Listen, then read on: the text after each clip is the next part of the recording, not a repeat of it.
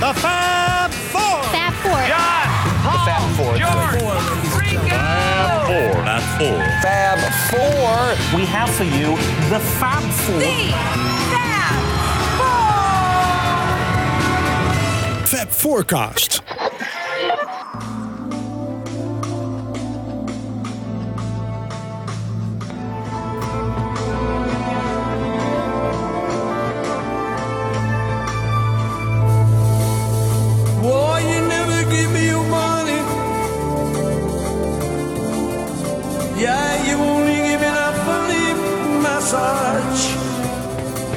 And in the middle of the rubbing and the rubbing and the dubbing, I break down.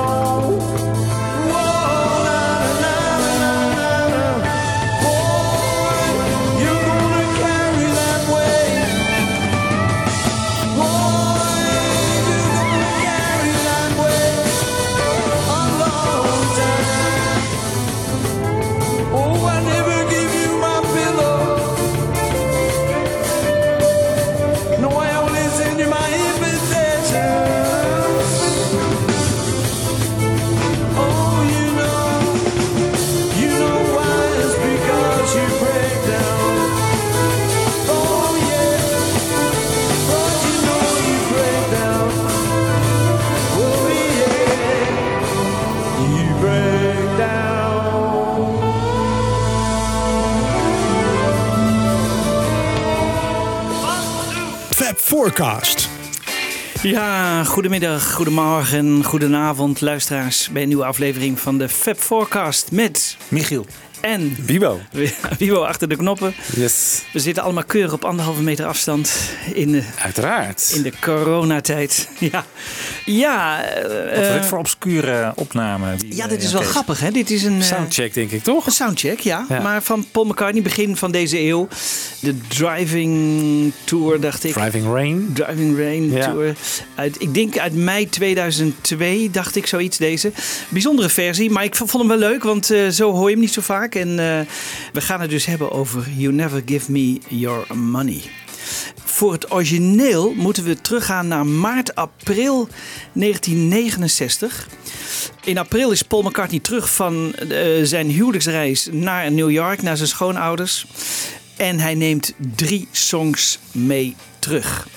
Hij dacht, ehm, ik, eh, ik heb nog wel meer op de plank liggen. Hij belt met John en vraagt John, heb jij nog wat korte nummers? eh, wat eh, dingen die we misschien aan elkaar kunnen verbinden? John was gelijk enthousiast, later niet meer. Hè? Maar op dat moment was hij enthousiast, want dat weten we uit New Musical Express. Hij geeft een interview en zegt van, we zijn op dit moment bezig met het verbinden van een aantal nummers achter elkaar. En het grappige is, ze willen dus een lange medley opnemen. En dat is nog allemaal voor Let It Be. Dus eh, zolang als ik nu bezig ben met Abbey Road, is het nog steeds voor de Let It Be LP. We kun- kunnen dat eigenlijk nauwelijks voorstellen. Maar we hebben natuurlijk nu al, al aardig wat nummers gehad. Hè? I Want You, Oh Darling, Something, Octopus's Garden. En nu weer You Never Give Me Your Money. Allemaal voor die Let It Be LP.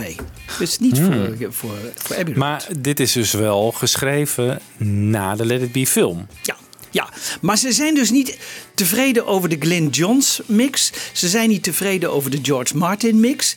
En ze denken, die nummers zijn misschien niet sterk genoeg. Laten we zelf nog meer extra betere en nog meer nummers eraan toevoegen. Hmm, Die ook al zitten die niet in de film, dat maakt dan niet uit. Nee, dat maakt dan op een gegeven moment al niet meer uit. Maar het is met name een beetje, een beetje raar, omdat je, het- het is zo'n duidelijk onderdeel van de medley, hè? Die, die, dit, dit nummer. Ja, ja. Dus je zou verwachten, het is inderdaad met een vooropgezet plan eh, Ja. van kant B, eh, et cetera. Hè? Ja, Dus, eh, maar John Lennon zegt dan ook hè, in dat interview met New Musical... We zijn voor die, voor die LP, hè, voor de Let It Be LP, zijn we bezig. En dan, dan doelt hij echt op die LP. Zijn we bezig met een medley aan het maken. Oh. En, En wanneer zegt hij dat? In maart? in de... ja, dat zegt bed hij. in of zo? Hij zegt dat in april. In April. april. Oké. Dus eh, dan heeft eh, Paul McCartney hem dus benaderd. Hè, van, goh, eh, heb jij nog wat nummers? Dan laten we die samenvoegen. Oké. Maar dit is wel het laatste nummer hoor. Dit moet ik er wel bij zeggen. Dit is het laatste nummer wat ze eh, in gedachten hadden. En daarna hè, nemen ze een tijdje weer vrij. En dan wordt George Martin benaderd. Maar George Martin is nog steeds niet benaderd. Terwijl George Martin wel zegt: Dit was mijn idee om al die songs aan elkaar te verbinden. Laten we maar even luisteren wat hij daarover te zeggen heeft. The segues, were they intended, were they introductions of yours or On Abbey Road, certainly, yeah. what your own introduction that was? Well, I mean, it was my idea to have a, a continuously moving piece of music, and wherever possible, we would segue. We would actually design an insert to work that way. I see. That was the idea. Segway, dat is dus eigenlijk een compilatie van nummers eh, Die in elkaar overgaan. die in elkaar overgaan. En dit was eh, een wat ouder interview met, eh, met George Martin. Ehm, kijk, en het idee van nummers in elkaar laten overgaan is eigenlijk niet nieuw in de Beatle-historie, want dat kennen we. Day in the Life, weten we. Paul, klein stukje. John, groot stuk. Maar gaan in elkaar over als één nummer. Eh, John, die eh, bijvoorbeeld met ehm, Happiness is a Warm Gun. Hè? Hij heeft allerlei verschillende nummers. Laat die in elkaar overgaan en wordt één nummer. Dus op zich is dat idee niet nieuw. We weten ook, en dat, daar ga ik de volgende keer over praten, maar Golden Slumbers en Carry That Way, dat worden eigenlijk tijdens de Let It Be film, wordt, wordt dat één nummer. Dus ook daarin zie je al dat, dat idee van, oh ik kan verschillende dingen samenvoegen en dan wordt het één. Maar nu hebben ze dus ook het idee, laten we al die, al die kleine dingetjes ook nog eens een keer weer samenvoegen tot één groot nummer. Want het grappige is, ehm, en daar komen we zo op terug, ook dit nummer bestaat weer uit verschillende kleine nummers.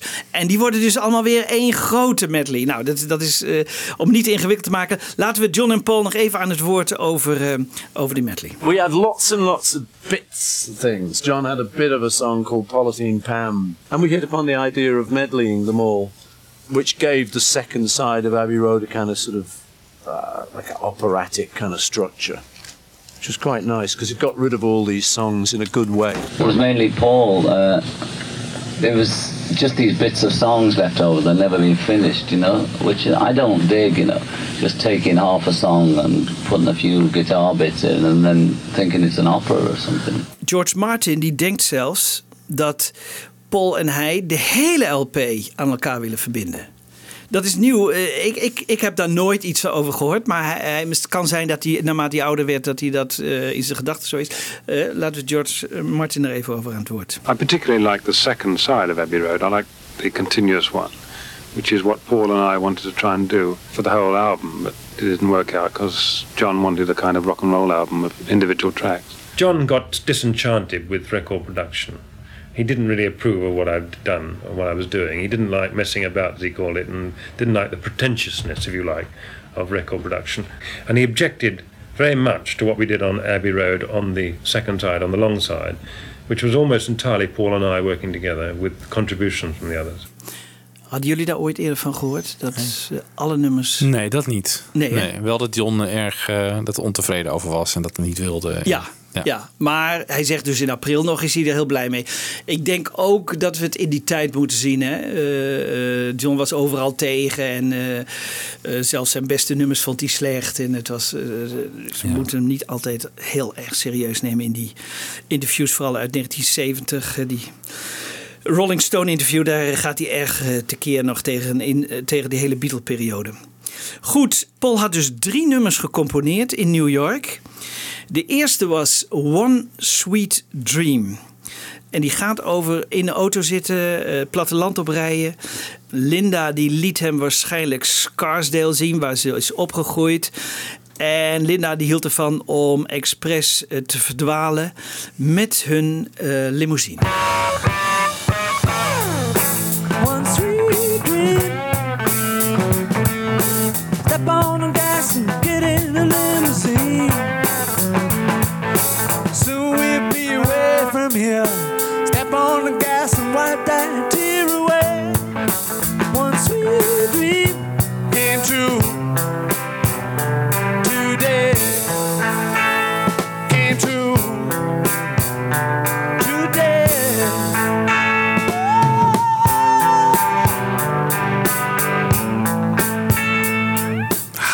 Ringo ook lekker aan het drummen.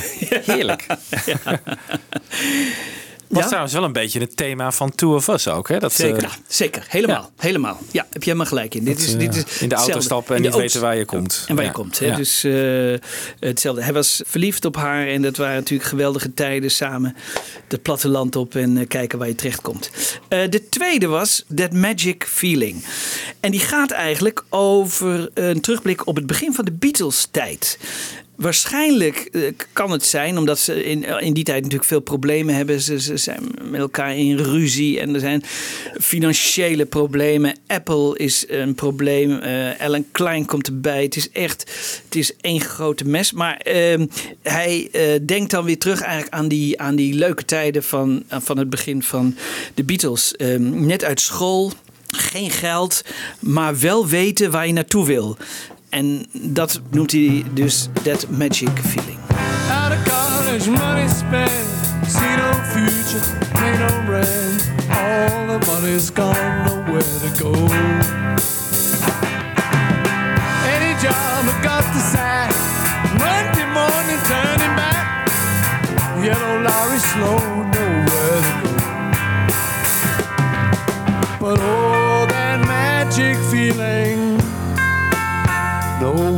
Nowhere to go. Oh, that magic feeling. Oh, nowhere to go. Nowhere to go.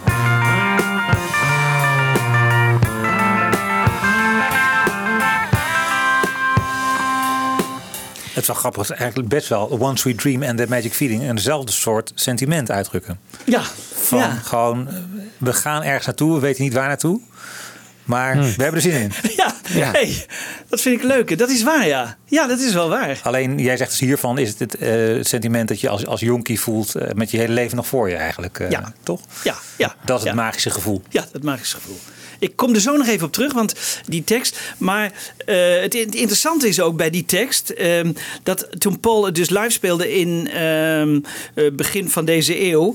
eh, altijd één zin was waarbij die deed alsof hij die vergeten was. Luister even. No future. All the money's nowhere to go. And this is the bit where I don't know the words, but I don't think I'm even gonna bother to try and learn them before the end of the tour. And all that magic feeling, nowhere to go. Ja. Er was dus één zin.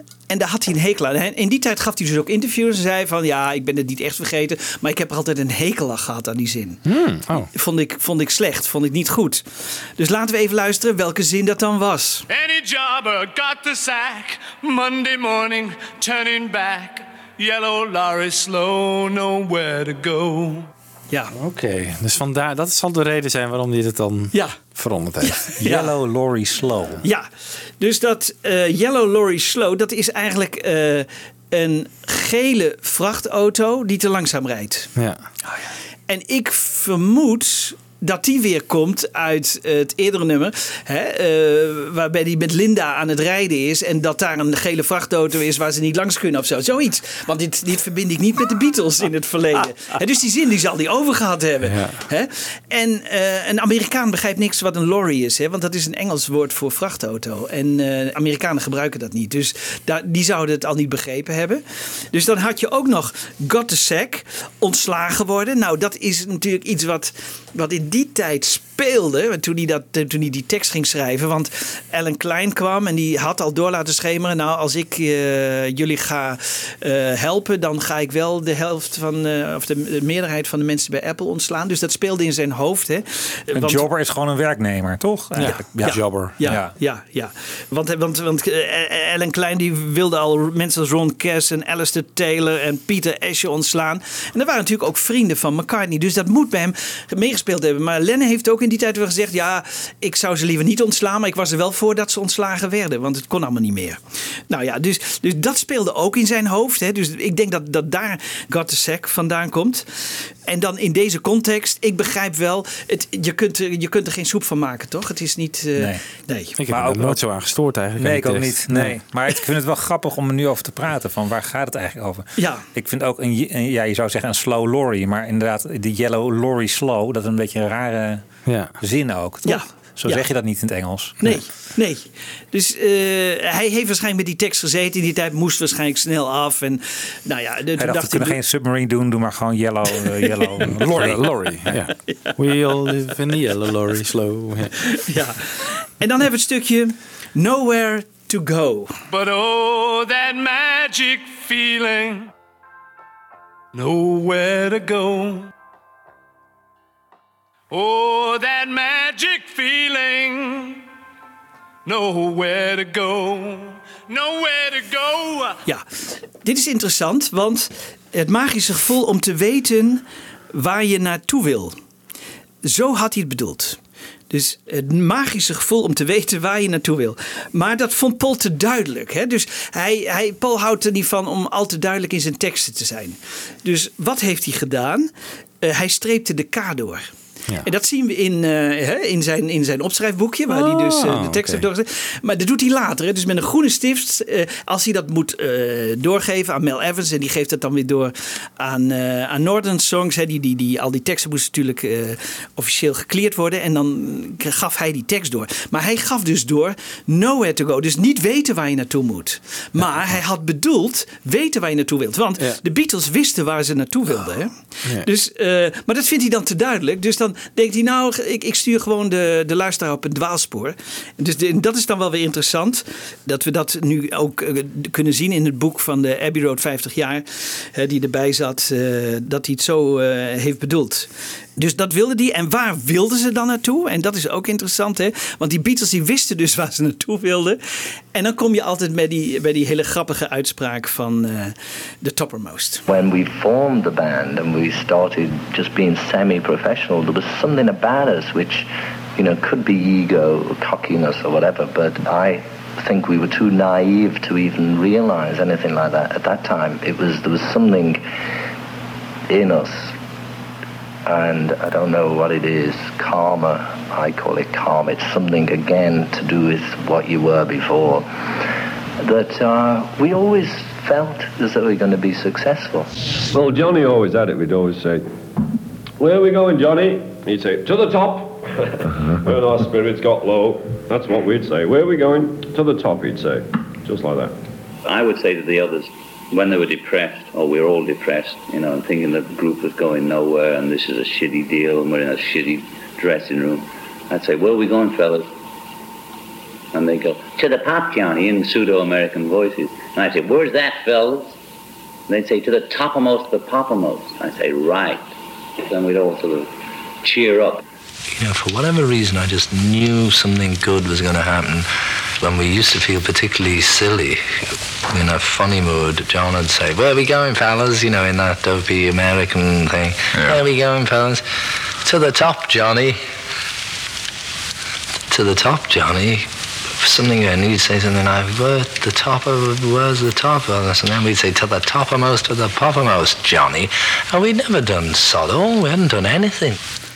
Wij dachten allemaal dat is ooit, hè, en nu hebben ze het allemaal verteld, maar door de Beatles bedacht. Maar dat is dus niet nee, zo, hè? daar kwamen we achter bij Mark Lewison, hè? ja, leuk hè? I think it was um, July 1960, looking at my notes here. July 1960.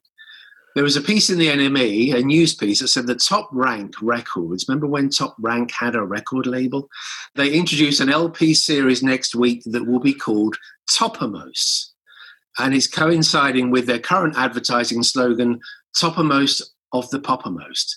There you I go. read this and thought, they got it from somewhere. They saw that. They must have seen that in either the NME or Record Mirror or Disc. And they've taken it from there. They've obviously thought how stupid that is. How stupid is is one of those phrases that someone, an older person who doesn't understand teenagers, comes up with a slogan that they think is going to be the hip slogan of the month. Toppermost of the poppermost.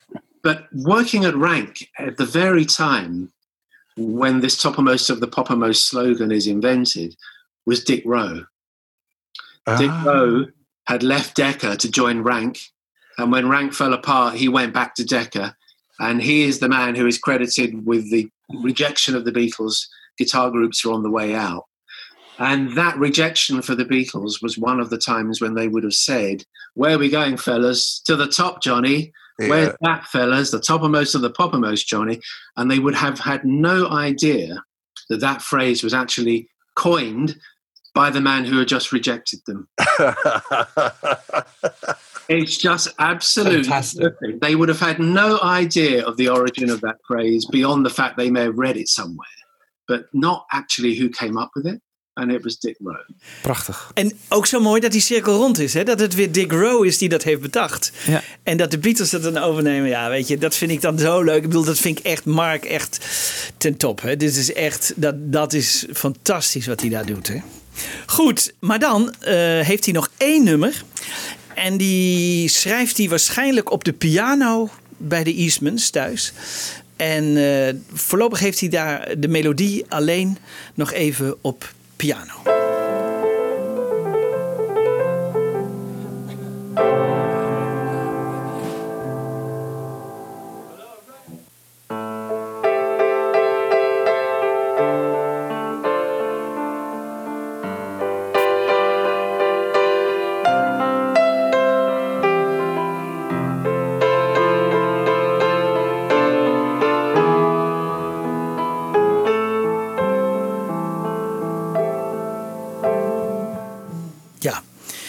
Dat is dus de muziek. En dan verzint hij een tekst bij. Nu is er iets vreemds aan de hand. Hè?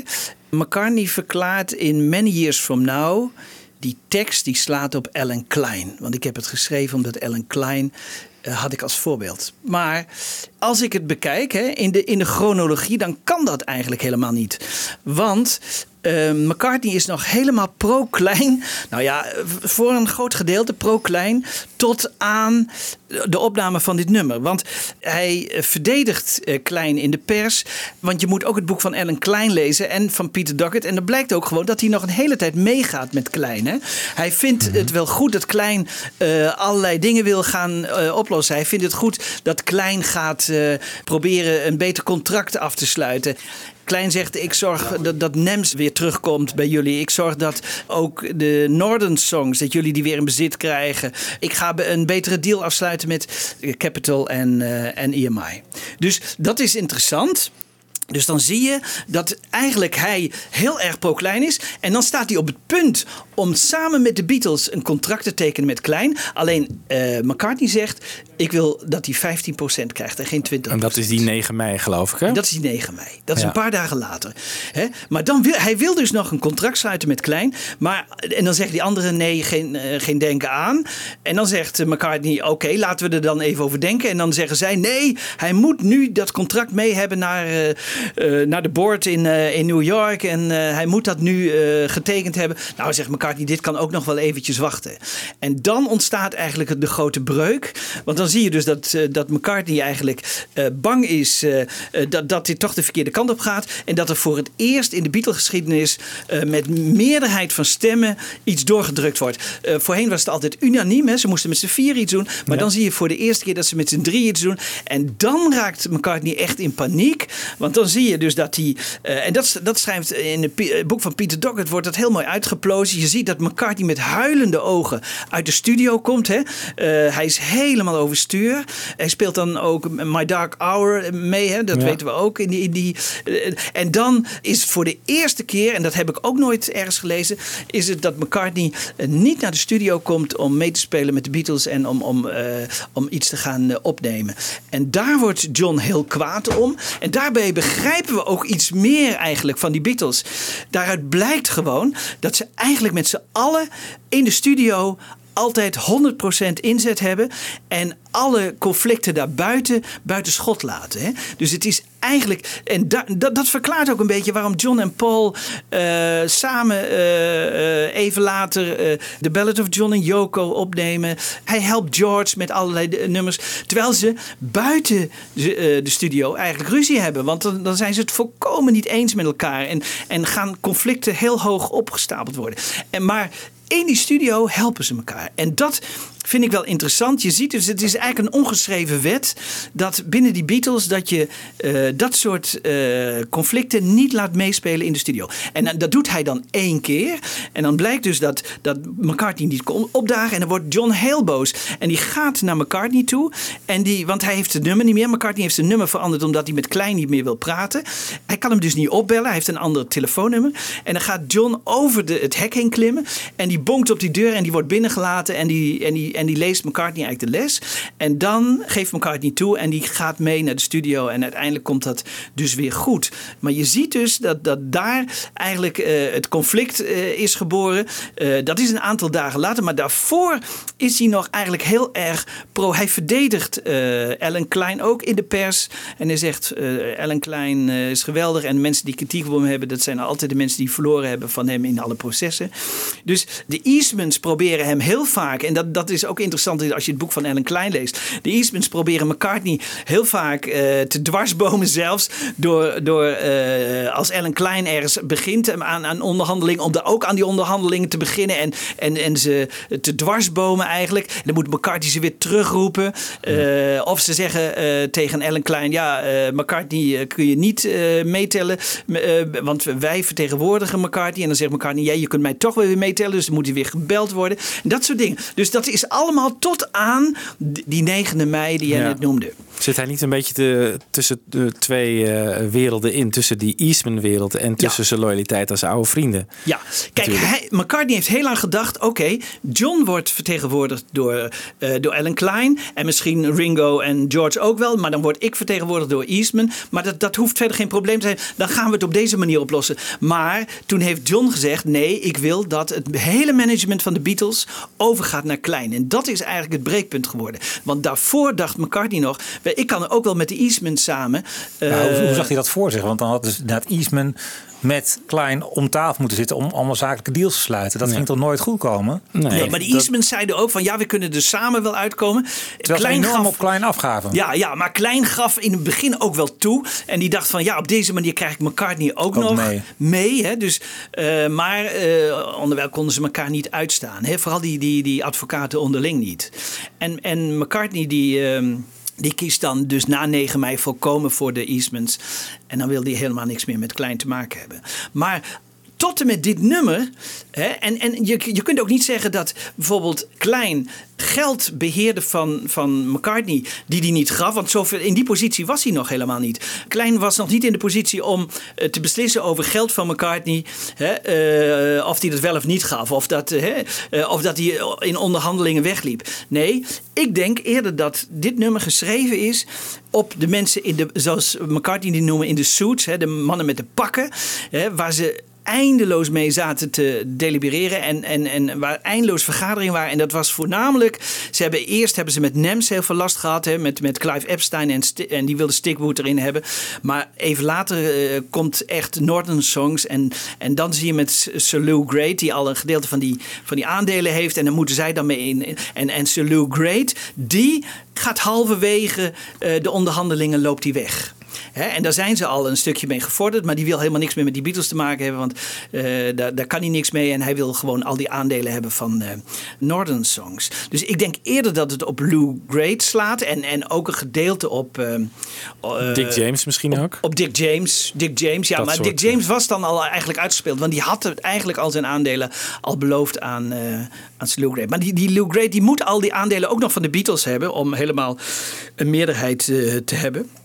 Nou, en, en dan, dan dat spel, wat, wat dan gespeeld wordt, en daar hadden die Beatles een vreselijke hekel aan, om daarin in betrokken te zijn. Maar ze moesten wel, want ze konden niet anders. En dan speelde er dan ook nog doorheen dat John zegt tegen Sir Joseph Lockwood van EMI: Ik word nu vertegenwoordigd door Alan Klein. En dan zegt Lockwood: Oké. Eh, maar ik ga me niet in deze hele ruzie mengen. Ik stop alle uitgaven naar jullie toe. Eh, ik, ik, ik parkeer dat op een speciale bankrekening. Was voor hem natuurlijk heel voordelig, want dan kon hij een enorme eh, rentewinst iedere maand boeken. Maar eh, daar moest ook tegen gestreden worden. Hè? Want Lockwood had inmiddels gehoord van Ellen Klein: ik ga ook de Beatles opnieuw onderhandelen. Dus ze zaten over hun oren in de problemen met al dat soort mensen die allemaal niet hun geld gaven aan Paul McCartney, maar wel alle allerlei contracten en toestanden. Hè, die funny papers, dat waren die funny papers. En die mensen die, eh, en zoals eh Lou Grady liep dan ook nog een keer halverwege weg. Dus ik denk dat dat de reden is geweest van McCartney om dit nummer te schrijven. En dat hij later met terugwerkende kracht heeft gedacht, eh, in, in, in Many Years From Now, dan zegt hij pas van ja, het was eigenlijk eh Alan Klein. Maar volgens mij kan dat niet. Dat, dat, ik, ik, denk, ik denk echt dat het, eh, dat het op dat moment niet mogelijk is dat Alan Klein helemaal gepersonificeerd werd eigenlijk in dit nummer. Want later wel, maar niet op dat moment. Maar ik, Nee. ik, ik- En McCartney heeft later gewoon zo gezegd van dit gaat over Ja, Klein. hij- ja. Natuurlijk is Dat het heeft hij gewoon feest geworden, kwaad geworden. En dan, Ja. dan moet je een soort aanspreekpunt hebben. En dat is van Ellen Klein. Maar ja. In die tijd was het, waar het, was het gewoon een soort symbool voor de mannen in, in pakken aan, aan tafels. Met Dat wie ze heel veel moesten ja, vergaderen. Ja, en, en McCartney, dat is ook helemaal McCartney. Want daar heeft hij later ook enorme hekel aan gehad. Hij heeft het in de 80 en 90 jaar heeft hij het ook gezegd. Die mensen bij Capital, dat zijn allemaal mannen in pakken. En daar wil ik niks, niks meer mee te maken hebben. Zo. Dat is altijd een, iets geweest waar McCartney op af heeft gegeven. Hij heeft nooit... eh, Dit eh, zelfs eh, in eh, Broad Street, in die film natuurlijk, de, de bad guy is ook een man in het pak. Een beetje een Ellen Klein-achtige figuur. Ja, ja, ja, ja.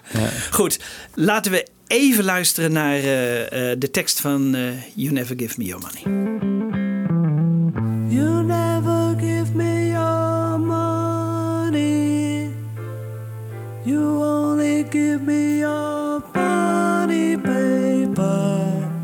And in the middle of negotiations, you break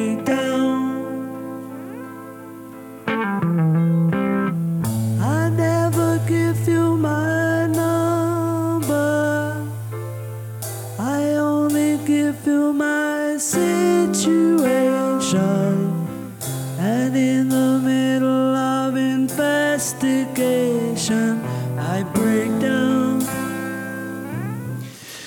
Mooie eerste hè, versie van, eh, van You Never Give Me Your Money.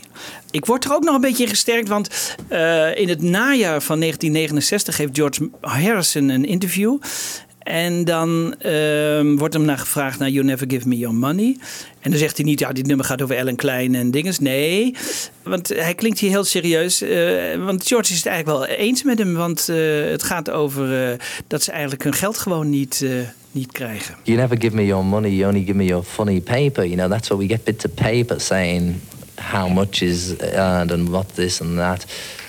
To actually get the money that you've earned is virtually impossible. It's like illegal to earn money. Well, not to earn it, it's illegal to keep the money you earn. But I think it's another of life's problems that you never actually solve no matter how much money you've got, you can't be happy anyway. So you have to find your happiness with the problems you have. And you have to not worry too much about them. And Hare Krishna, Hare Krishna, Krishna Krishna, Hare Hare. Mooi ook wel uitspraak van eh, you have to find your happiness eh, despite your problems you're having. Dus je moet, ja, ook al heb je problemen gewoon, Ja. ga voor, eh, voor Ja. gelukkig zijn. Ja. Ja, goede les. Ja.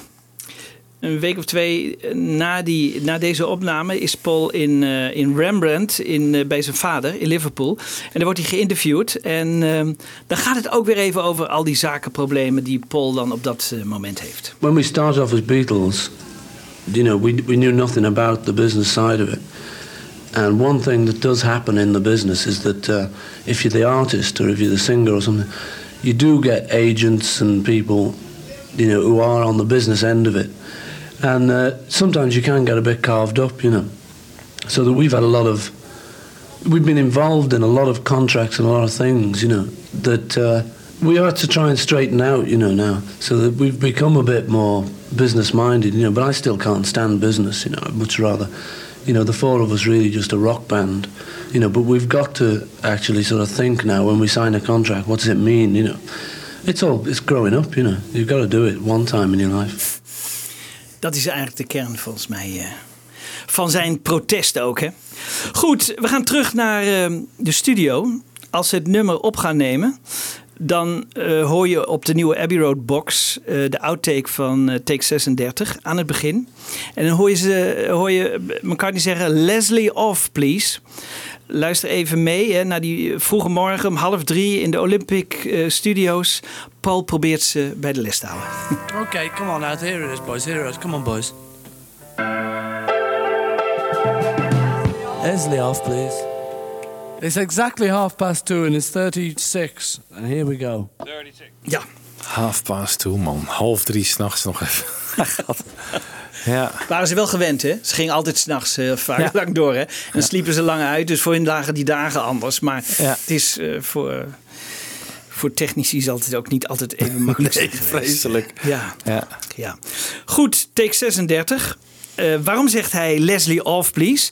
Want zijn piano die gaat halverwege het nummer over op een Leslie speaker. En dat is zo'n speaker, ja, dat, is een bewegende speaker en daardoor klinkt het wat zweverig eigenlijk. Hè? En dat doet eh Glyn Johns. Hè? Dus halverwege zet hij hem eh, op de Leslie speaker. Maar hier heeft hij hem al van het begin af aan aanstaan, dus die moet uit. En luister maar, wanneer die halverwege aangaat eh, bij On That Magic Feeling, dan gaat de Leslie speaker aan.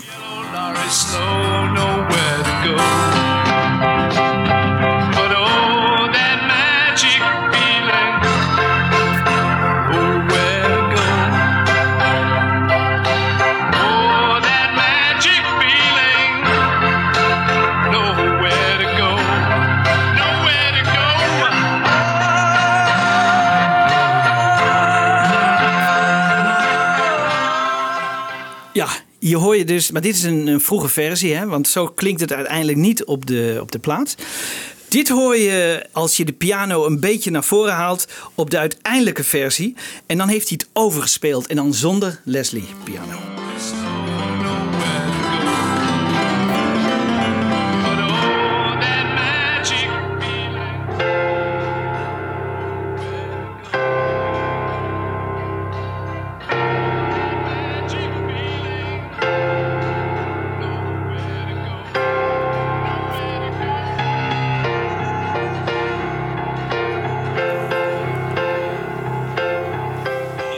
Hoort hem nog wel in de verte, hè? Ja. De Leslie eh, piano. Ja, iets heel. eh, Dat, dat is misschien in die mix blijven staan of zo. Ja, eh, denk ik, ja. Ja, ja. En bij George werd altijd gezegd: ehm, hij speelt het begin, hè, dat lees je in al die boeken, op een laag gestemde Fender Telecaster. En ik vroeg aan Diederik Nomme: hoe gaat zoiets dan? Nee, hij zegt: Diederik, het is gewoon onzin. ja, dat is onzin. We hebben dat geprobeerd, maar dat lukt helemaal niet. Nee, het is gewoon een normaal gestemde Fender Telecaster. En dus het is gewoon een mythe die in de wereld is gebracht. Dus eh, alsof, ja, en nou, iedereen schrijft dat van elkaar over. En nu weten we gelukkig dat het, dat het helemaal niet zo is, dat het een gewone Telecaster is. Laten we even luisteren naar George op gitaar.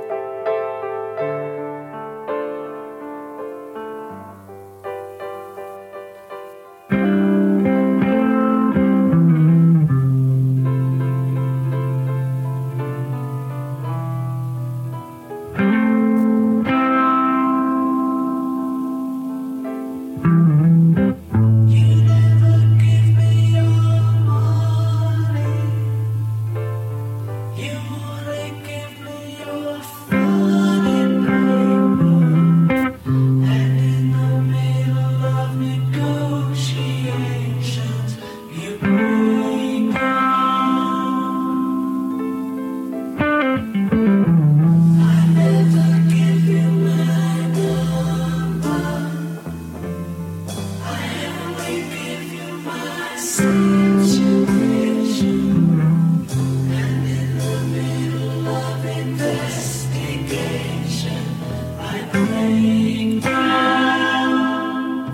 gespeeld. Overigens heel mooi, echt aanvullend. Ik vind het Prachtige likjes. Prachtige ja, zeker.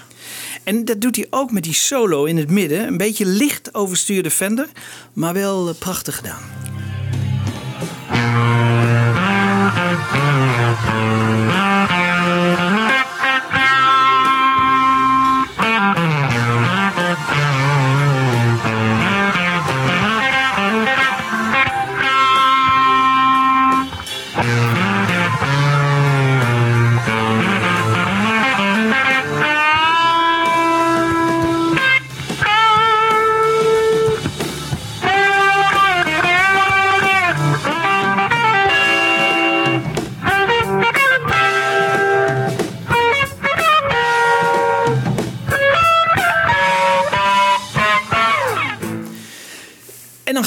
Over op eh, John Lennon. Sinds kort hebben we zijn slaggitaar in het middelste gedeelte. eh, in stereo, want hij heeft het twee keer gespeeld op twee verschillende sporen. En dankzij eh, Bob de Jong hebben we dat naar boven gehaald. En ik vind het heel mooi om te horen.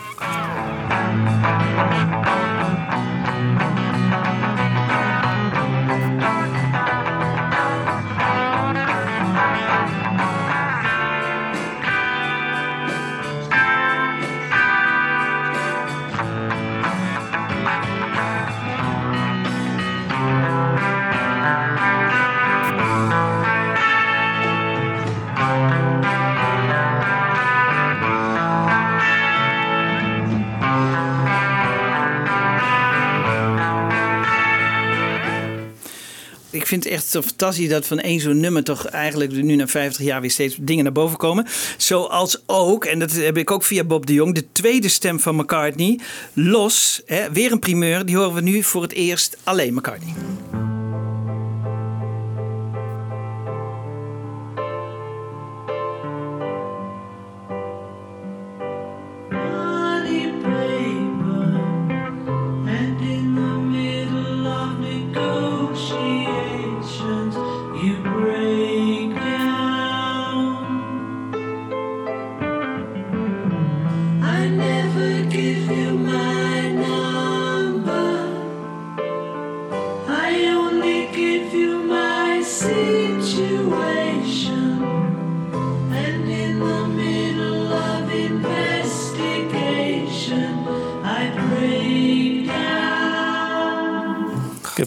George ook hoor. eh, Oh, dat zou ook kunnen. Ja, Samen met Paul. Het zijn twee stemmen. ja. ja het zijn twee Nee, maar het is stemmen. toch Paul die zichzelf... eh, Maar het, is, het zou hem ook... Ja, Paul en... Ja, maar dit, dit zijn de, de tweede stemmen. Hè? Maar ik heb het idee dat het twee Oh. tweede stemmen zijn. Twee tweede stemmen. Ja. Dat zou natuurlijk kunnen. Paul en George. Ja, Want je hoort zeker twee stemmen. ja dat is mooi. Dat Ja. is mooi. mooi. De officiële versie heeft geen backing vocals. Laten we even dat officiële stuk even horen zonder backing vocals.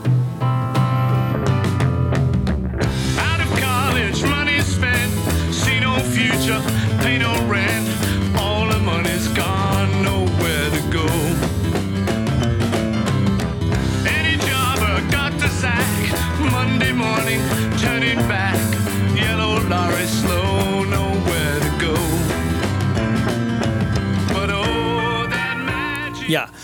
Ik weet nog, Wiebo, dat jij toen we die box behandelden, dat jij ook zei: Goh, daar zit in één keer eh, een tweede stem bij. Ja. Hè? eh, en, eh, dus laten we daar even nog, nog even een stukje naar luisteren.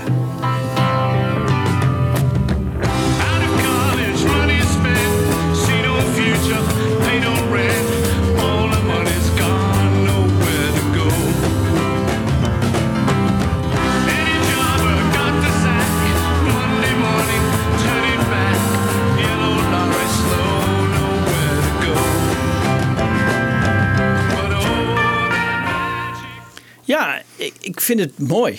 Ja, het is heel mooi. Ik vind Ja. het zonde dat ze weggehaald zijn.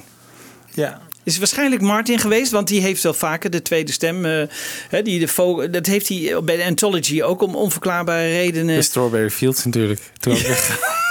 Strawberry, Jouw dingetje. ja. Strawberry Fields en, en er was Ja. er nog één. hè. Ja, dus eh, eh, gewoon heel jammer. Eh, bij de, bij eh, de, de Witte Dubbele heeft hij het ook gedaan. Hij was er waarschijnlijk dan niet heel altijd zo'n voorstander van. Maar ik, vind- ik vind het gewoon mooier nu.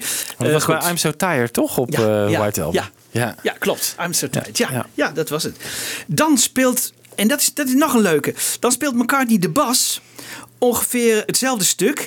En ik denk dat hij daarbij op het idee komt voor de honky tonk piano. Die straks hetzelfde zal spelen als de bas. Dus hij speelt eerst deze bas. Hè? Eigenlijk bijna hetzelfde wat hij later op de piano zal gaan spelen. Laten we even naar die bas luisteren.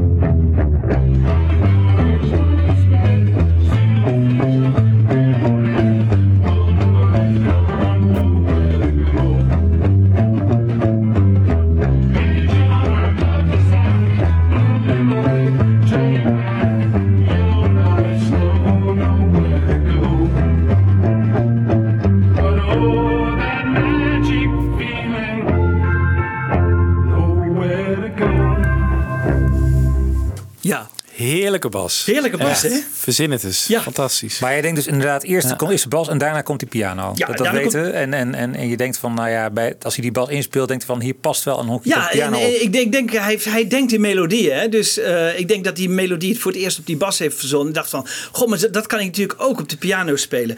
Want daarvoor zat er iets en daar was hij het helemaal niet mee eens. Tenminste, dat vond hij nog niet goed genoeg. Want zo klonk het helemaal in het begin.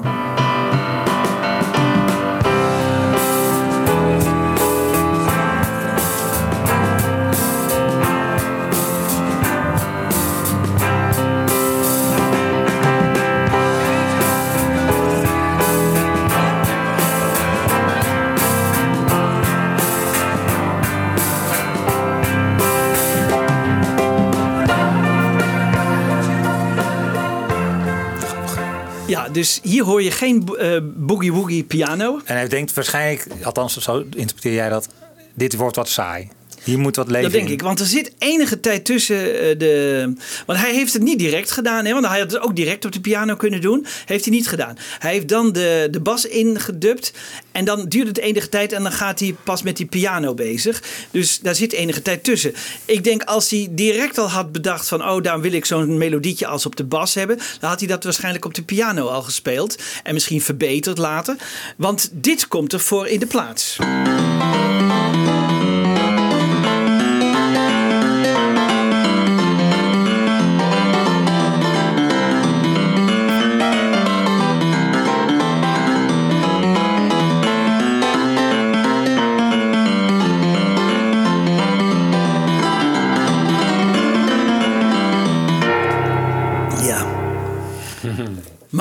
Jongens, Ja, dit is vast vers- versneld. de laatste keer, de laatste keer in de Ja. Beatles carrière hè, wordt nog één keer gebruik gemaakt van de Ferry Speed. Hè, en ehm, ik wilde dus heel graag, dit is gewoon te snel. Hè, dit, dit, dit is, dit, zo kan je niet spelen. Eh, zelfs McCartney niet. Nee, maar speelt McCartney dit wel? Is het niet George Martin? Nee, waarschijnlijk, waarschijnlijk nee. eh, Ik neem aan dat McCartney dit heeft gespeeld. Uh, Diederik Nomde dacht eerst ook eh, George Martin. Maar ehm, we nemen toch aan dat het eh, Paul McCartney is. Want het kun je afleiden op het moment dat hij, dat hij in de studio was. Ik heb aan Diederik Nomde gevraagd. Ik heb hem 30 verschillende snelheden opgestuurd. 30 verschillende, hè? Dus hij dacht, heb je die Kees weer? en Diederik die heeft... hem weer, ja. Die, ja. En die heeft eh, zijn best gedaan. En die zei... Het moet min 25 zijn. Het is echt. Hij, hij kent piano en hij weet uh, de manier. Uh, en er zijn ook mensen die hebben gezegd. Die hebben zelfs de, de, de manier van aanslaan op. Uh, die kunnen dat weer aan McCartney toedichten. Maar hij zegt het is min 25. Dus ik vind het overigens heel knap van die Diederik. Want die moet dat dus iedere avond. Hè, toen het voor de corona en straks na de corona weer. Moet hij dat toch op die snelheid spelen. Dus Ja. dan moet je het toch sneller dan McCartney het kon. Hè? Dus dat, dat is echt. Dat is een compliment waard. Uh, laten we even luisteren hoe het dan origineel heeft geklonken, min 25 procent.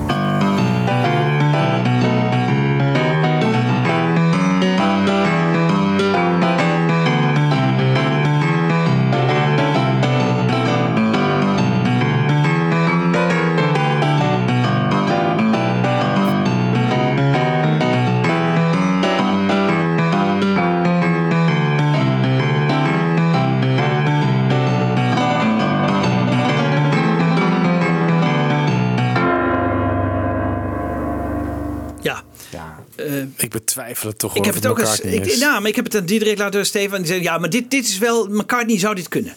Die zou Ja, dit kunnen. Ja. Ook met ja. dat dat hele snel op Wat denk jij dat dit te moeilijk is voor elkaar? Ja, denk het, ja.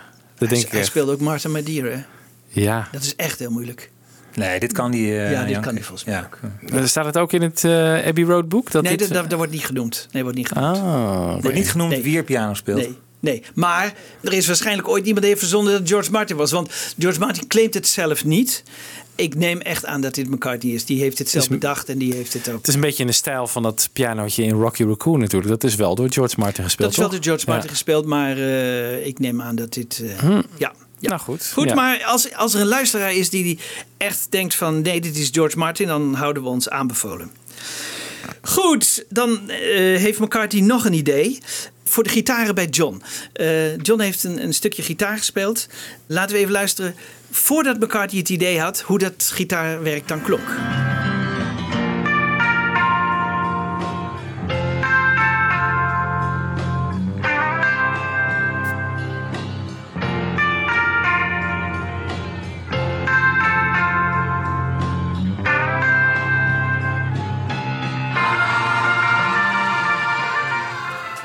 Is wel grappig, hè? Want dit klinkt al een beetje als de tubular bells die hij erbij wil laten. Want dit is John op zijn gitaar, hè? En hij denkt dan, hé, hey, dat klinkt wel een beetje als tubular bells. En hij ziet in Studio 2 hangen tubular bells. En hij zegt, eh, die wil ik eraan toevoegen. Dus eh, hij zoekt exact dezelfde tonen op. En dat, is, dat valt nog helemaal niet mee natuurlijk. Want je, en, en hij hoort op zijn koptelefoon John spelen. En gaat dan meespelen op die tubular bells. Dus stel je voor, hè, Paul McCartney in die grote Studio 2. Inmiddels is het half uur s'nachts. Is, is, ongetwijfeld. Lennon is eerst een uur bezig geweest om de goede tubular bell te vinden. Oké, dus eh, even, dat hebben we allemaal even voorgesteld. Ja, Ga verder. ja, hij staat bij die tubular. En hij moet tegelijkertijd met John hetzelfde spelen op die tubular bells. En dat, dat doet hij dan.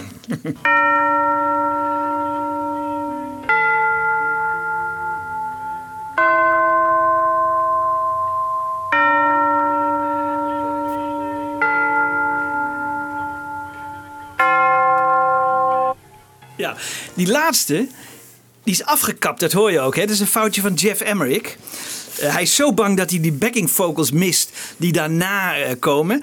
eh, dat hij al eerder de, de, de recordknop weer uitdrukt. want hij, is, hij is doodsbenauwd dat dat misgaat. Want dat was alles eerder gebeurd. Misschien weten jullie dat nog. Hebben we ooit in de D in de, in de live behandeld. Daar heeft hij ook die, die knop eerder. Dat is een foutje van die Jeff wel eens, wel eens vaker maakte. Goed, maar nu... Hè, eh, hoe het in de, in de uiteindelijke versie klonk. Dus in stereo. Links Paul, rechts John. En je hoort dat Paul nog één klein foutje maakt. Maar dat gaat in die mix eh, later verloren. Dus dat is hem vergeven.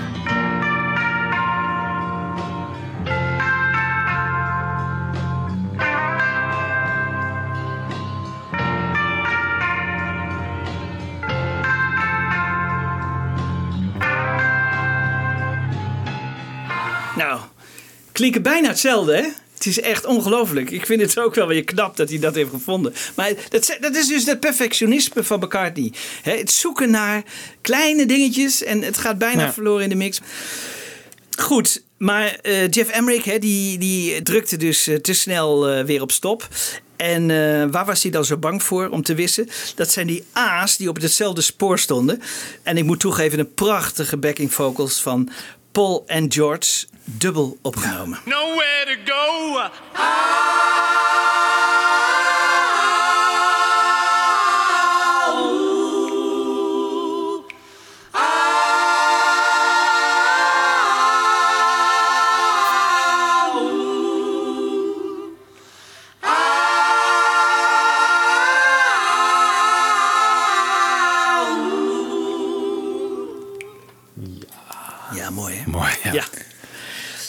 even een stukje Ringo. Hè. Die kon zich ook weer van zijn beste kant laten zien met het drumwerk. Hij heeft wat prachtige overdubs ook gemaakt. Even een stukje Ringo bij You Never.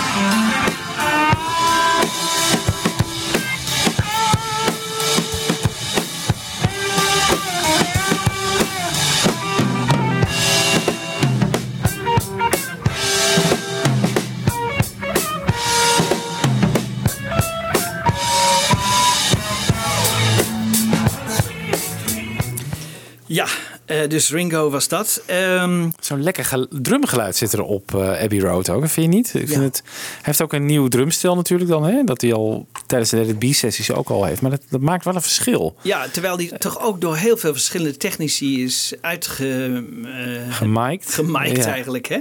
Ik denk dat dit Jeff Emmerich is. En toch klinkt het altijd goed. En Ja. ja, dat is waar. Ja. En dan het einde. Paul had gevraagd om een staand einde.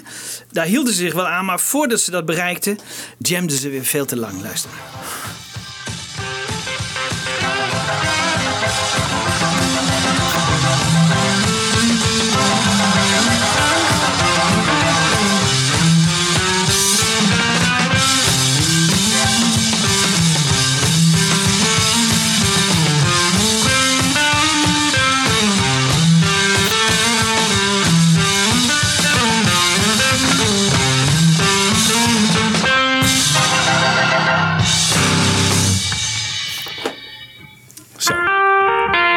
ja, dat zat er nog achteraan.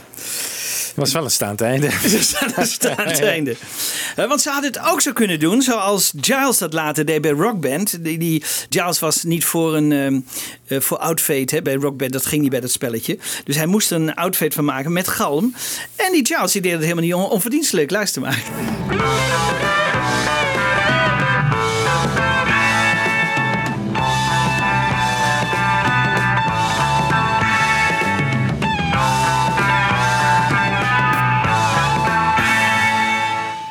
Kijk, het, het lijkt net echt, toch? Ja. Het lijkt net echt, ja. Goed gedaan. Ja.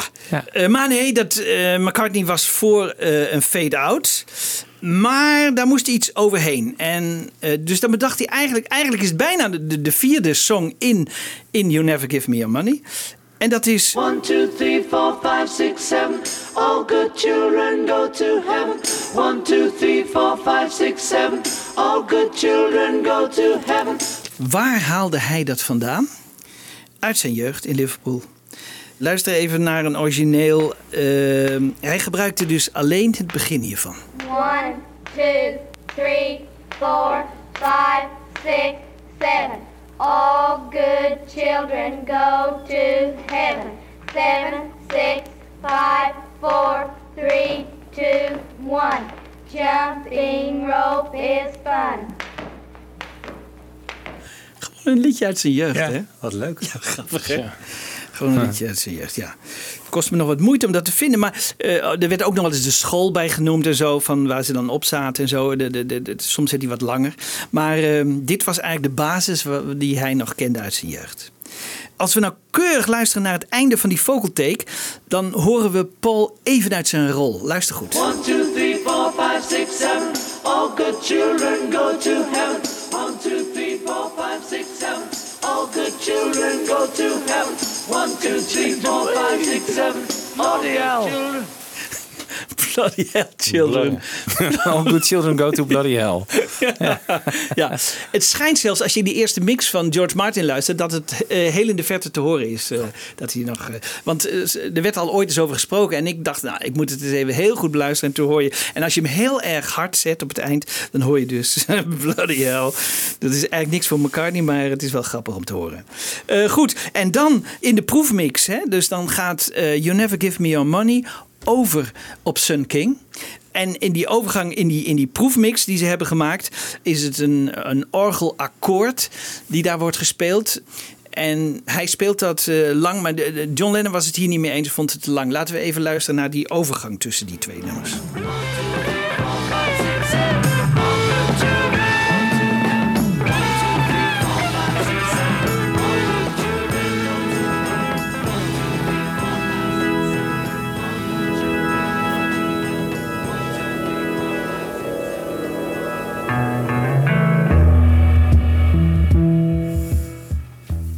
Wat vinden jullie? Te lang, zei je dat dan? Ja, nou, John Lennon vond het te lang.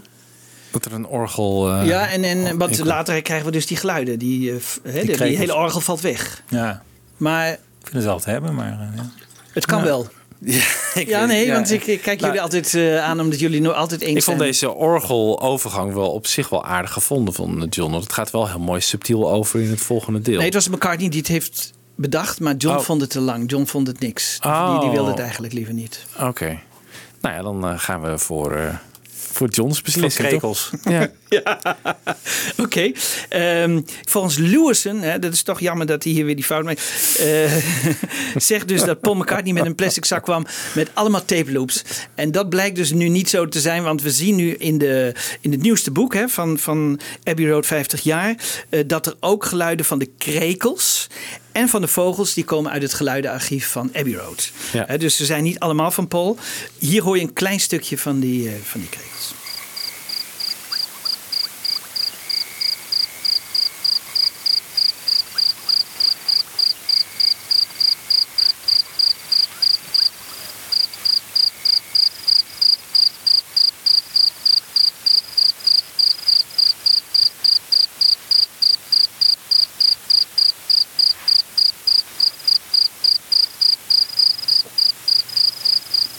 Ja, rustgevend.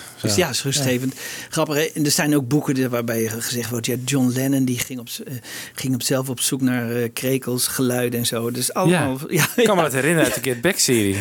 Opgenomen in zijn tuin in Escot. Oh ja, ja. Gewoon dat is onzin. Dat is allemaal onzin, ja. Wat hebben jullie ons allemaal lopen wijsmaken? Heel Ja, erg, ja. Ik bied eh, mijn verontschuldiging aan met terugwerkende kracht. Ehm, de volgende is wel van Paul. En ik wil even weten, wat is dit nou? Ik, ik kan het niet thuisbrengen, jongens, maar dit is wel van Paul.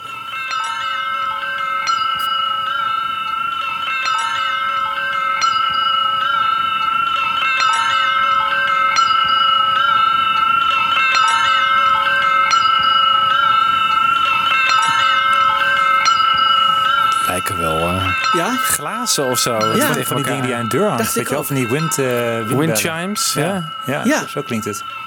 Ah ja, ja. Ik, ik, eh, Doet me een beetje aan dat glasses denken op McCartney. ja. Ik dacht misschien zijn het flessen of zo die hij heeft opgehangen... waar hij met een, Ja. met een stuk glas of met een, met, een- met, met een wijnglas langs gaat. Of ik weet niet precies. Ik kan het niet thuisbrengen, maar zoiets. Want het zijn, er wordt altijd gezegd, ja, dit zijn bellen. Maar dit zijn geen bellen, want eh, die, die zal hij thuis ook niet allemaal hebben gehad. Dus. Dus, en ik neem wel aan dat hij, dat glaswerk heeft en dat soort dingen. En, Ja, Het klinkt als glas, inderdaad. ja, Ja. ja. Dus hij nam ook nog, eh, en die, die zijn niet gebruikt, een elektrische gitaar op hoge snelheid op. Mensenstemmen, die zijn allemaal eruit verdwenen. Maar wel, en die ontdekte ik ook, een elektronisch geluid. En als je goed luistert, dan hoor je me op de achtergrond.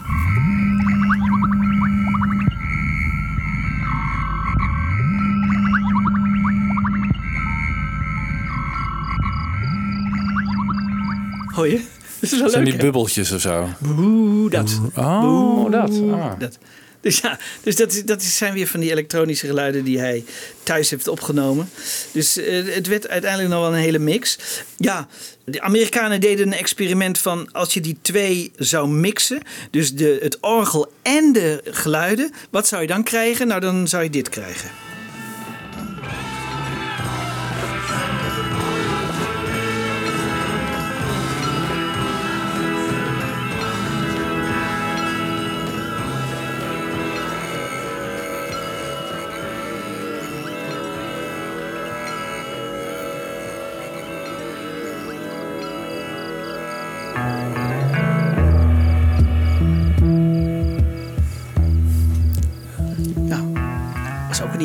Geweest. Ja. Ja. Ik vind het wel te hebben hoor, dat orgel. Jammer. Ja, hè? Ja. Het is voor het eerst, jongens, dat ik jullie, dat ik jullie eh, enthousiast hoor over een eh, afgekeurde versie van Ja. eh, de Ja. Beatles. En dat is, eh, ja, ik vond het ook wel mooi. hè, we komen nu tegen het einde van de allerlaatste en dan toch. Volgens mij hebben we wel eerder gezegd hoor, bepaalde vocalen of zo die weg waren. Ja, dat is waar. Nee, dat is waar. Dat Ja, is waar. net maar nog, jullie die toch- vocalen, eh, ja, net, nog, net, Net nog, nog. net nog. Ja, dat is waar. Dat is waar.